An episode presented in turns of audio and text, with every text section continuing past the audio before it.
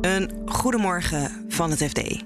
Ik ben Paulien Swuster en het is woensdag 22 juni.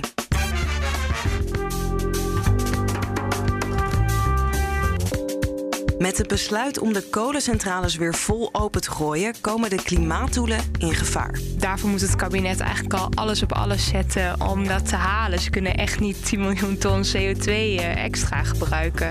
KLM wil af van de bemoeienis van Den Haag en bouwt daarom versneld de leningen af. Zij hopen nu, als ze tot nul zijn, dan zal die bemoeienis afnemen. Maar er zit nog een addertje onder het gras. En TomTom moet er hard aan trekken om weer het Nederlandse tech-succes te worden dat ze ooit waren. Grote beurshype ook. Aandeel kostte 40 euro.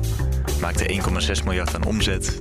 Uh, ja, het was het helemaal. In iedere auto uh, die op de snelweg reed zat zo'n uh, navigatiekastje. Dit is de dagkoers van het FD. Pas een half jaar na de invoering moet het kabinet een belangrijke klimaatmaatregel terugdraaien. Zoals je gisteren ook al hoorde in de podcast, maandag maakte het kabinet bekend dat de kolencentrales weer op volle kracht mogen draaien. Met onze redacteur Klimaatbeleid Orla McDonald kijken we hoe we die impact zouden kunnen compenseren. En dat wordt lastig. In de Kamerbrief van minister Jette heeft hij het over ongeveer 10 miljoen ton CO2 extra voor de komende 2,5 jaar. Ja, is dat veel? Ja, dat is best wel fors. Eh, de Nederlandse uitstoot was eh, in 2021 ongeveer 166 miljoen ton. Um, ehm, 10 miljoen ton is dus uh, best wel veel. Zeker als je bedenkt dat um, ja, de komende 10 jaar zeg maar, de tijd is om 60% CO2 te verminderen. Daarvoor moet het kabinet eigenlijk al alles op alles zetten om dat te halen. Ze kunnen echt niet 10 miljoen ton CO2 extra gebruiken. En hoe kan het dan dat met dat alles bij elkaar zelfs mensen als Marjan Minnesma zeggen: ja, oké, het moest wel? Ja, Marjan Minnesma zegt: ik, ik vind het geen leuke maatregel, maar ik vind hem wel begrijpelijk. Dat is voor haar doen best wel een coulante uitspraak, zou ik willen zeggen. En ja, die oorlog is toch gewoon zo heftig dat mensen ook wel begrijpen dat, deze maar dat het eigenlijk gewoon niet anders kan. Rusland knijpt die gaskraan steeds verder dicht. Uh, Duitsland komt in het nauw, een hele grote gasverbruiker. Uh, je kunt niet met de uh, leveringszekerheid van energie van mensen een gokje wagen. Zij heeft dan hoop op de extra maatregelen die dan worden genomen om het een beetje te compenseren. Ehm, wat zijn dat dan? Nou, het kabinet zet vooral in op energiebesparing. Dat uh, wil Marjan Minnesma ook. Minnesma speelt ook een grote rol in dit uh, dossier, omdat zij natuurlijk uh, het agendavonnis heeft afgedwongen ja. bij de, bij de ja. rechter. Dus zij is ook niet zomaar een milieuactievoerder, om zo maar te zeggen. Ze heeft echt wel ook, ja, ze kan terug naar de rechter gaan om het kabinet te dwingen ja. Die CO2 verder te verlagen. Het kabinet trekt nu financiële compensatie uit voor bedrijven die aardgas willen besparen. Het is de vraag of er bedrijven zijn die dat, dat willen gaan doen. En kunnen we daar, is, dat, is daar 10 miljoen dan aan te besparen? Ja, er zijn wel organisaties die het hebben doorgerekend. Um, onder andere de Nederlandse Vereniging van Duurzame Energie. Die zegt als je energiebesparing oplegt aan bedrijven, dan zou je ongeveer 4 miljoen ton CO2 per jaar kunnen besparen. Ja. Het lampen in kantoren, betere isolatie, uh, zuinigere uh, productieinstallaties.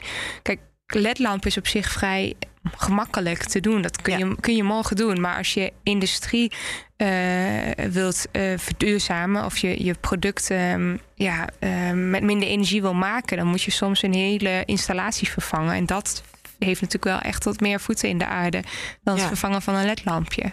Gisteren sprak ik met onze collega Bert van Dijk en die zei: Europees valt er misschien ook wat te regelen, want we hebben dat Europese systeem met rechten voor uitstoot. Zien experts daar een uh, oplossing in? Ja, daar zou zeker een, een deel van de oplossing wel in kunnen liggen. Um, industrieën in uh, Nederland betalen nu een Europese prijs voor hun uh, CO2-uitstoot. Daar moeten ze rechten voor kopen. Er zijn maar een maximaal aantal rechten in die CO2-markt. Um, je ziet dat nu alle landen nadenken over het lang, laten draaien van die kolencentrales om gas te verminderen. Dus iedereen doet een greep naar die pot met CO2-rechten. En eigenlijk zouden EU-landen moeten overleggen welke landen die extra rechten krijgen. Mm-hmm. Nederland heeft bijvoorbeeld best wel efficiënte kolencentrales. Ze zijn vrij nieuw. Uh, ze stammen uit ongeveer 2015. dat levert veel minder CO2-uitstoot op dan een Duitse kolencentrale. Dus je kunt eigenlijk beter die Europese rechten aan Nederland geven in plaats van aan Duitsland. Ja, maar Ehm, Duitsland wil ook opschalen met de kolen. Ja, die vindt dat ook spannend om dan weer van Nederland afhankelijk te zijn voor zijn energie. Ja, dat wordt echt nog een gevecht. En dan gaan we naar TomTom. 15 jaar geleden was het een Nederlands succesverhaal. En inmiddels is daar nog weinig van over. Met beursredacteur Lennart Zandbergen gaan we terug naar 2007 en betere tijden voor TomTom. Het bedrijf waar iedereen het over had. Een grote beurshype ook. Een aandeel kostte 40 euro. Eh, ze maakte 1,6 miljard aan omzet. Nou ja, met eh, toen nog best wel een klein bedrijf. Ja. Eh, ja, het was het helemaal. In iedere auto die op de snelweg reed zat zo'n navigatiekastje. En wat is daar nu nog van over? Toch wel een stuk minder. In ieder geval de prijs van een aandeel eh, is gedaald naar ongeveer 6.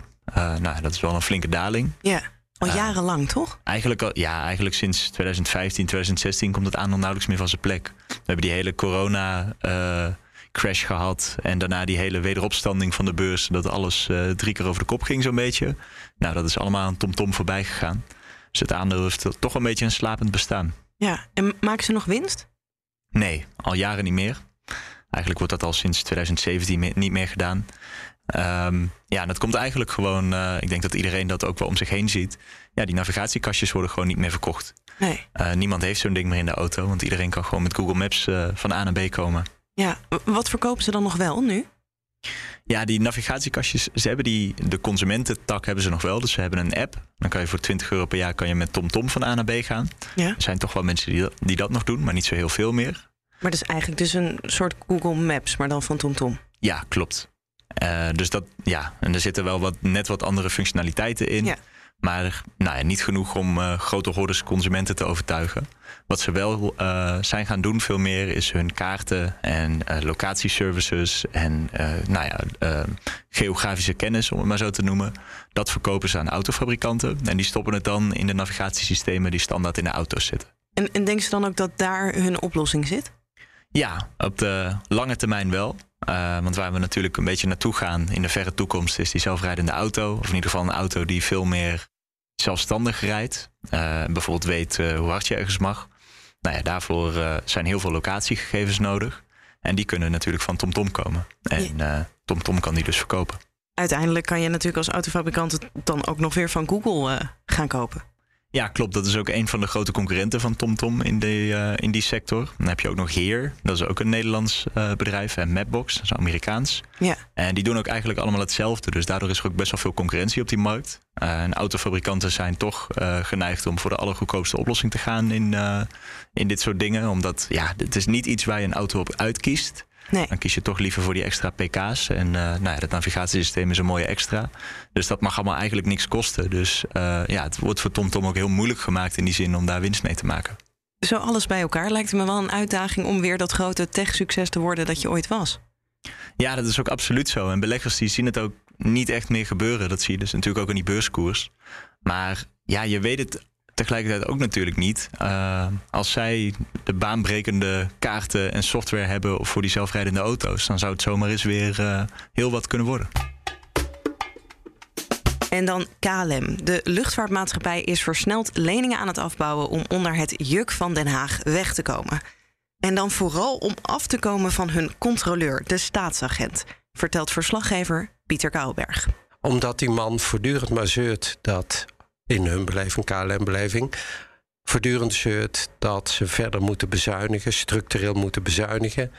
En de top van uh, KLM zegt ja. We hebben al fors bezuinigd tijdens de crisis. We gaan, het gaat nu weer de goede kant uit. We zien de zon weer door de wolken komen.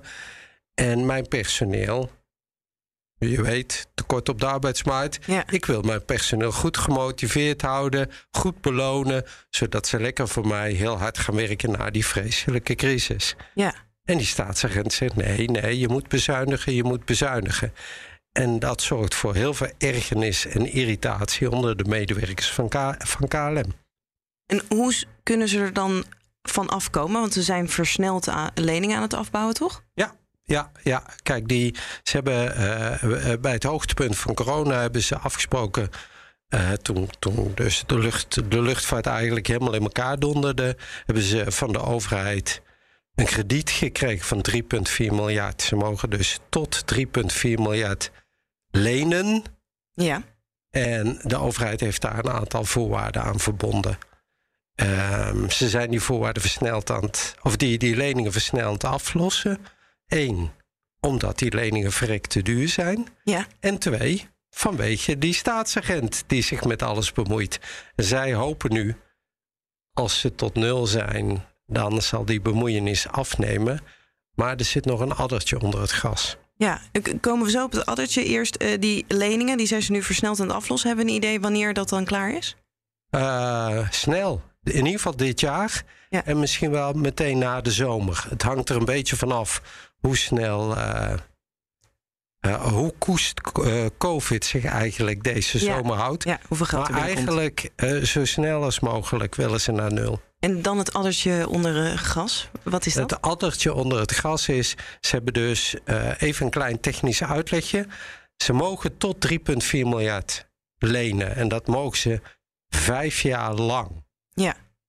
Um, als ze nu alles wat ze geleend hebben, uh, dat is bijna 1 miljard, als ze dat nou allemaal hebben afgelost, die regeling die bestaat nog steeds. Ja. En zolang die regeling bestaat, gelden die voorwaarden en blijft die staatsagenten aankloppen. Ah. Dus ze staan nu eigenlijk al voor de grote opgave: gaan we die regeling opzeggen? Want dat kunnen ze gewoon opzeggen. Ja, ze kunnen het elke, elke seconde, elke dag kunnen ze het eenzijdig opzeggen. En waarom zouden ze dan aarzelen? Stel dat je hem opzegt, dan één. Veronderstel dat het toch heel slecht gaat met de economie. Ja. Als je dan weer terugkomt bij de overheid, dan is het één. Maar de vraag of je weer die garantie krijgt. Mm -hmm. Twee, of het tegen dezelfde voorwaarden is. Misschien nog wel veel strenger. Ja, terwijl het is nu al duur en streng. Het is, het is nu al duur, dus het wordt nog duurder misschien wel. En het derde is, en dat zijn ze nu aan het onderzoeken...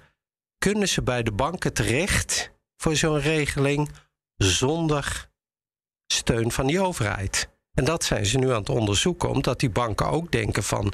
ja, hoe stabiel is die luchtvaart met COVID, met de oorlog, met de inflatie... met Schiphol dat straks minder vliegbeweging gaat. Nou, uh, wij zijn, uh, KLM is niet de eerste aan wie ze zouden willen lenen. Dat lijkt me dan wel nog een uh, lastig puzzeltje voor KLM. Ik, ik hou er ernstig rekening mee dat ze voorlopig nog lang niet van die overheid verlost zijn.